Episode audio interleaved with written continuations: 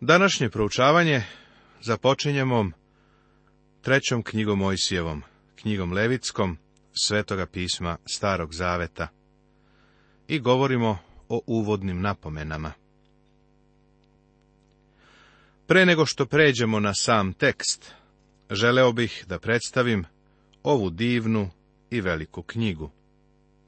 Smatram je jednom od najvažnijih knjiga u Bibliji.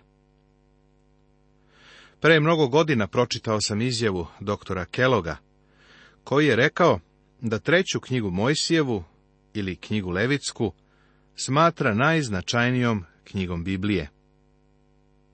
Verovao sam da je bio ironičan čim je dao takvu izjavu. A zatim sam slušao jednog velikog propovednika u Tenesiju, doktora Alberta Dadlija, koji je također izjavio da Levitsku knjigu smatra najvažnijom u Bibliji.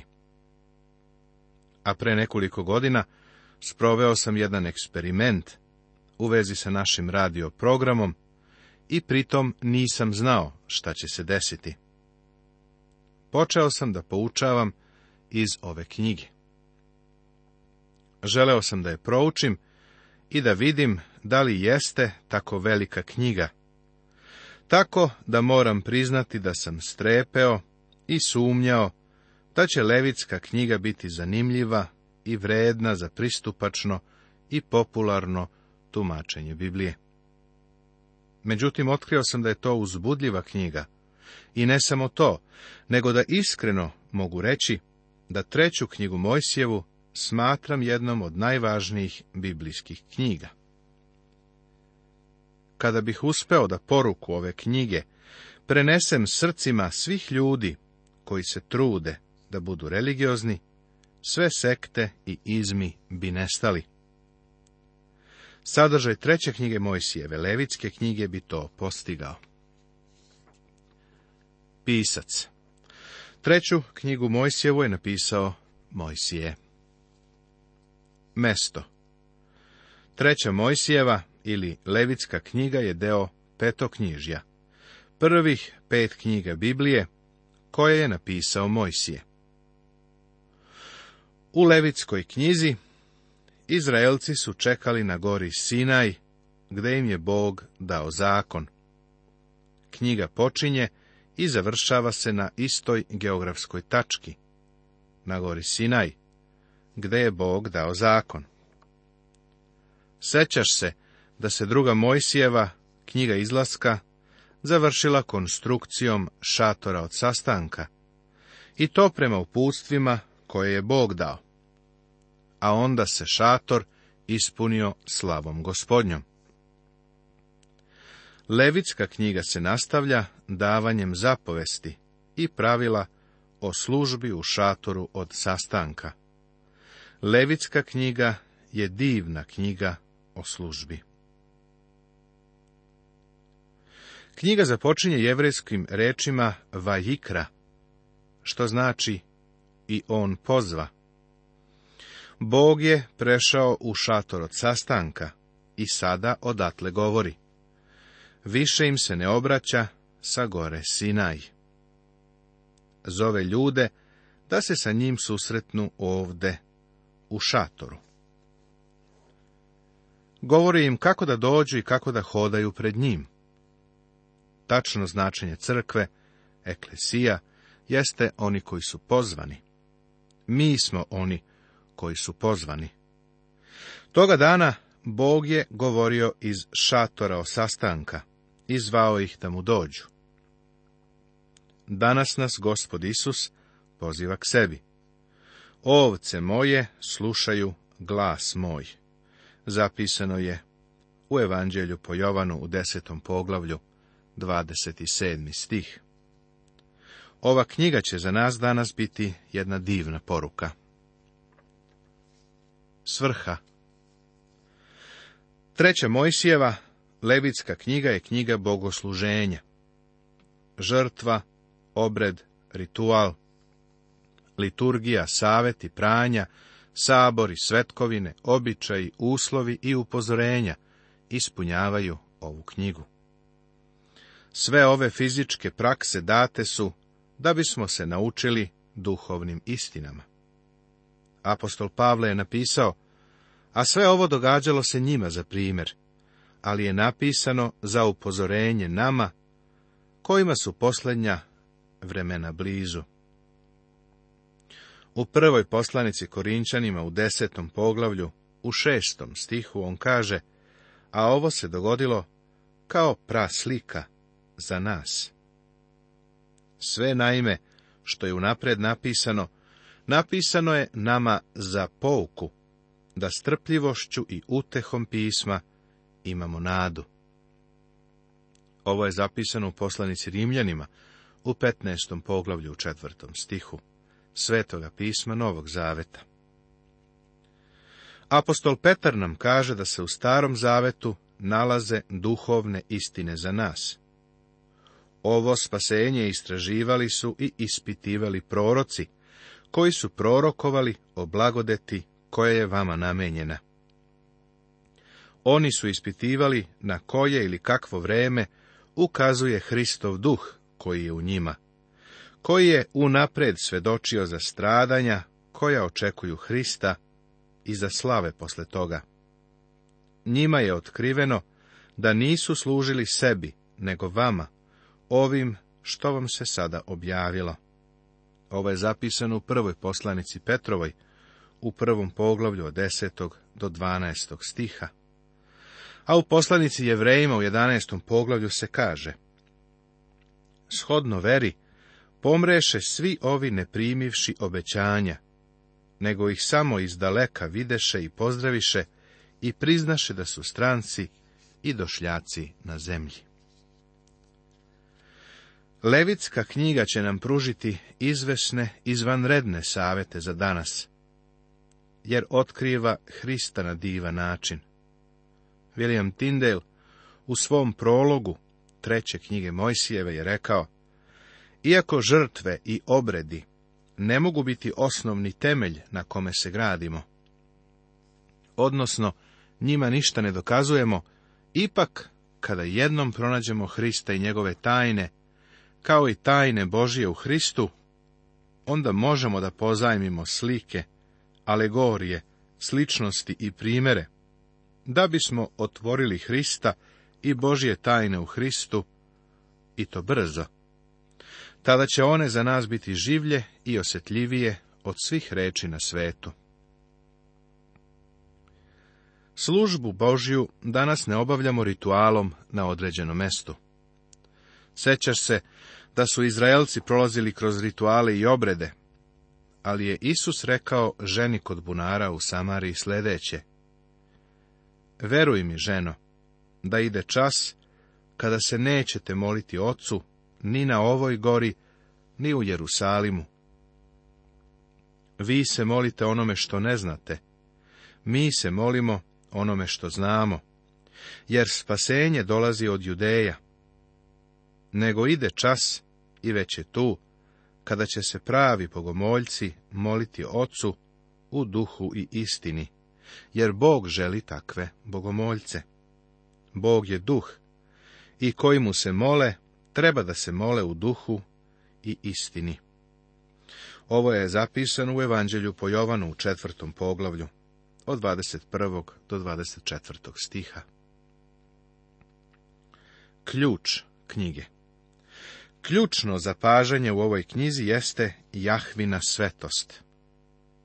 Poruka Poruka ove knjige je dvostruka.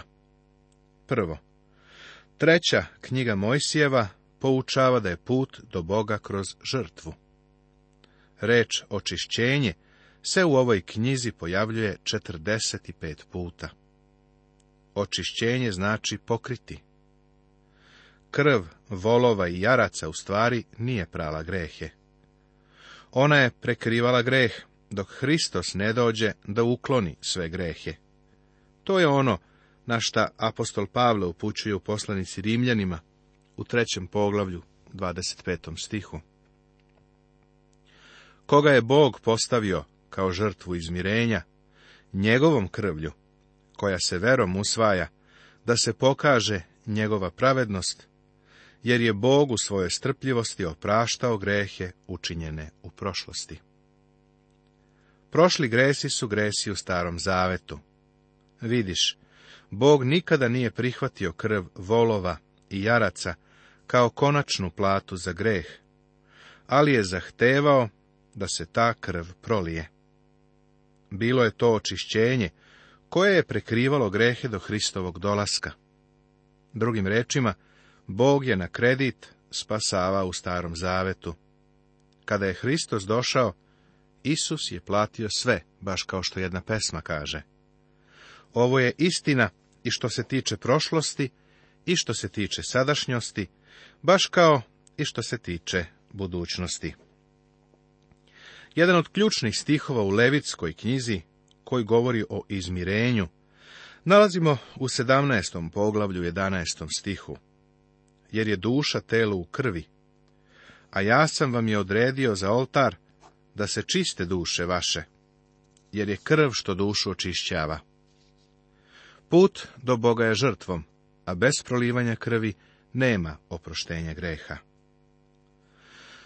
I druga, treća Mojsijeva nas poučava da je život sa Bogom putem osvećenja. Reč svetost pojavljuje se 87 puta u ovoj knjizi. I bit ćete mi sveti, jer sam svet ja, gospod, i odvojih vas od drugih naroda da budete moji. Bog je dao precizne zakone u vezi sa ishranom, društvenim životom, kao i svakodnevnim detaljima, koji je uključivao svaki fizički aspekt života njegovog naroda. Ovi zakoni danas za Boži narod imaju veliku duhovnu primjenu. Iz tog razloga smatram da treba da proučavamo ovu levitsku knjigu. Vidiš, pristup Bogu je danas osiguran kroz Hristovu prolivenu krv. Pisac jevrejima poslanice je to ovako izrazio. I to ne da bi mnogo puta samoga sebe prineo, kao što prvosveštenik svake godine ulazi u svetinju s tuđom krvlju, jer bi u tom slučaju trebalo da mnogo puta postrada od postanja sveta. Sada pak, na svršetku vekova, on se javio jedanput, da svojom žrtvom ukloni greh. Poslanica Jevrejima, deveto poglavlje, 25. i 6. stih. Oni koji su izbavljeni Hristovom krvlju moraju živjeti svetim životom, ako žele da uživaju u zajednici sa Bogom i da ga slave. A Bog mira, koji je krvlju večnoga saveza izveo iz mrtvih velikog pastira ovaca, gospoda našega Isusa, da vas usavrši u svakom dobru, da činite njegovu volju, tako da On čini u nama ono što je ugodno pred njim, posredstvom Isusa Hrista kome slava u sve vekove. Zapažanja Treća knjiga Mojsijeva je izvanredna knjiga, kada se njen sadržaj posmatra u svetlu Novoga Zaveta. Prosečnom hrišćaninu ona je dosadna, kao što nešto može biti dosadno, tako da nećeš naći mnogo ljudi koji čitaju i proučavaju ovu levitsku knjigu.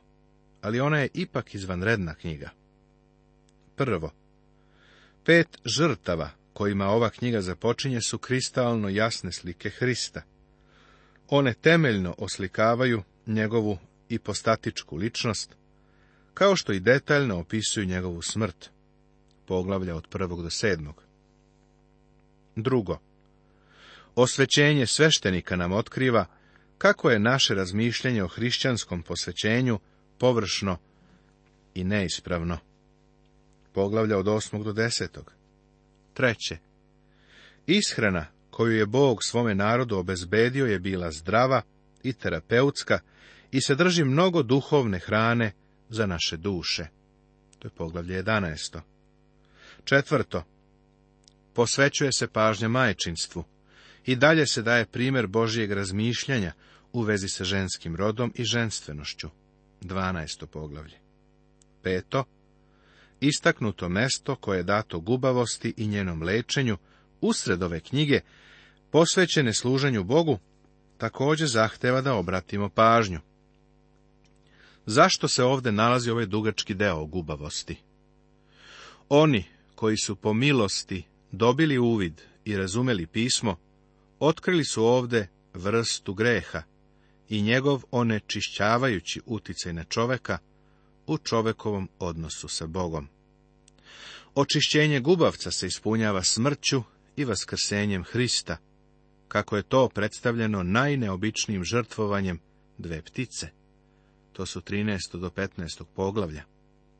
Prijatelju, ako ti i ja želimo da u ovom svetu izbegnemo prljenje grehom, treba mnogo da znamo o Hristovoj smrti i vaskrsenju i primjeni toga u našem životu. Veliki dan očišćenja je slika Hristove žrtve u pravoj veličini. To je poglavlje 16. Sedmo, značaj oltara za žrtve paljenice u šatoru od sastanka osvetljava suštinske osobine Hristovog krsta. To je poglavlje 17. U ovoj knjizi je naglasak stavljen na savete u vezi sa skoro svakim trenutkom života Božjega naroda i pokazuje nam kako Bog namerava da ljudski rod bude povezan sa njim, sa Bogom. To su poglavlja od 18. do 22. Bog želi da bude uključen u tvoj posao, tvoj porodični život, tvoj društveni život. Prijatelju, čuvajmo se da ga ne isključimo iz našeg života. Deveto. Spisak praznika upotpunjuje proročki program Božijeg delovanja za sva vremena. To je poglavlje 23. Deseto. Zakoni kojima se sprovodilo upravljanje Palestinom pružaju nam tumačenje njene promenljive istorije i uvid u njenu buduću istaknutost. U ovoj knjizi ima mnogo proroštava. Izraelski narod i obećana zemlja su isprepletani i utkani u dešavanja odavde do večnosti. U prve tri knjige Biblije postoji određeni odnos. U postanju prvoj Mojsijevoj vidimo kako je čovek uništen. U izlasku u drugoj Mojsijevoj vidimo da je čovek izbavljen. U Levitskoj, u trećoj Mojsijevoj, vidimo kako čovek slavi Boga. Možemo također napraviti poređenje između druge i treće knjige Mojsijeve. U drugoj vidimo ponudu za oproštenje, a u trećoj se nudi čistota. U drugoj Mojsijevoj Bog pristupa čoveku, a u trećoj Mojsijevoj čovek pristupa Bogu. U drugoj Mojsijevoj Hristos je spasitelja, u trećoj on je onaj koji nas posvećuje. U drugoj Mojsijevoj ističe se čovekova krivica, a u trećoj se ističe čovekova nečistota. U drugoj Mojsijevoj Bog govori sa gore, a u trećoj Mojsijevoj iz šatora od sastanka. U drugoj Mojsijevoj čovek se približava Bogu, a u trećoj Mojsijevoj čovek se drži blizu Boga. Pregled Prvo, pet prinosa, žrtava i zakon o njima. Miomirisni prinos, Hristos. Pod jedan, žrtva paljenica, Hristos naša zamena. Pod dva, žrtve jestive, Hristova lepota. Pod tri, žrtve zahvalne, pomirne, Hristos naš mir. Nemiomirisni prinos, Hristovo delo na krstu. Pod jedan, žrtva za greh, greh kao priroda. Pod dva, žrtva za prestup, greh kao delo. Zakon o žrtvama i prinosima. Drugo, sveštenici. Svi vernici su sveštenici. Posvećenje sveštenika. Služba sveštenika. Ograničenja sveštenika.